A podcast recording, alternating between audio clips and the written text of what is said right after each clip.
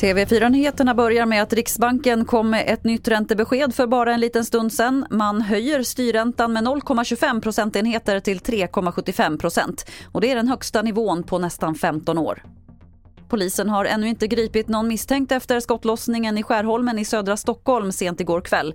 En man och en kvinna i 20-årsåldern blev skjutna och fördes till sjukhus med allvarliga skador. Jari Kalliorinne på Stockholmspolisen. Det är två vuxna som har befunnit sig utomhus och båda är förda till sjukhus. Eh, exakt skadeläge törs jag inte uttala mig om. Och vi har utfört diverse åtgärder på platsen där med en teknisk undersökning och en förundersökning om mordförsök inledd.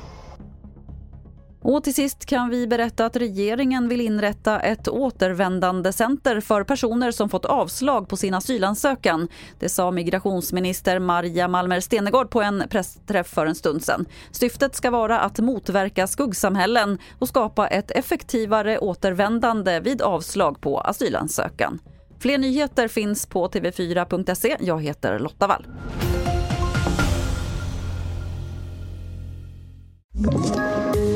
Poddtips från Podplay.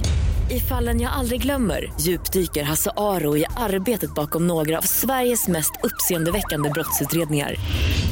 Går vi in med hemlig telefonavlyssning och, och då upplever vi att vi får en total förändring av hans beteende. Vad är det som händer nu? Vem är det som läcker?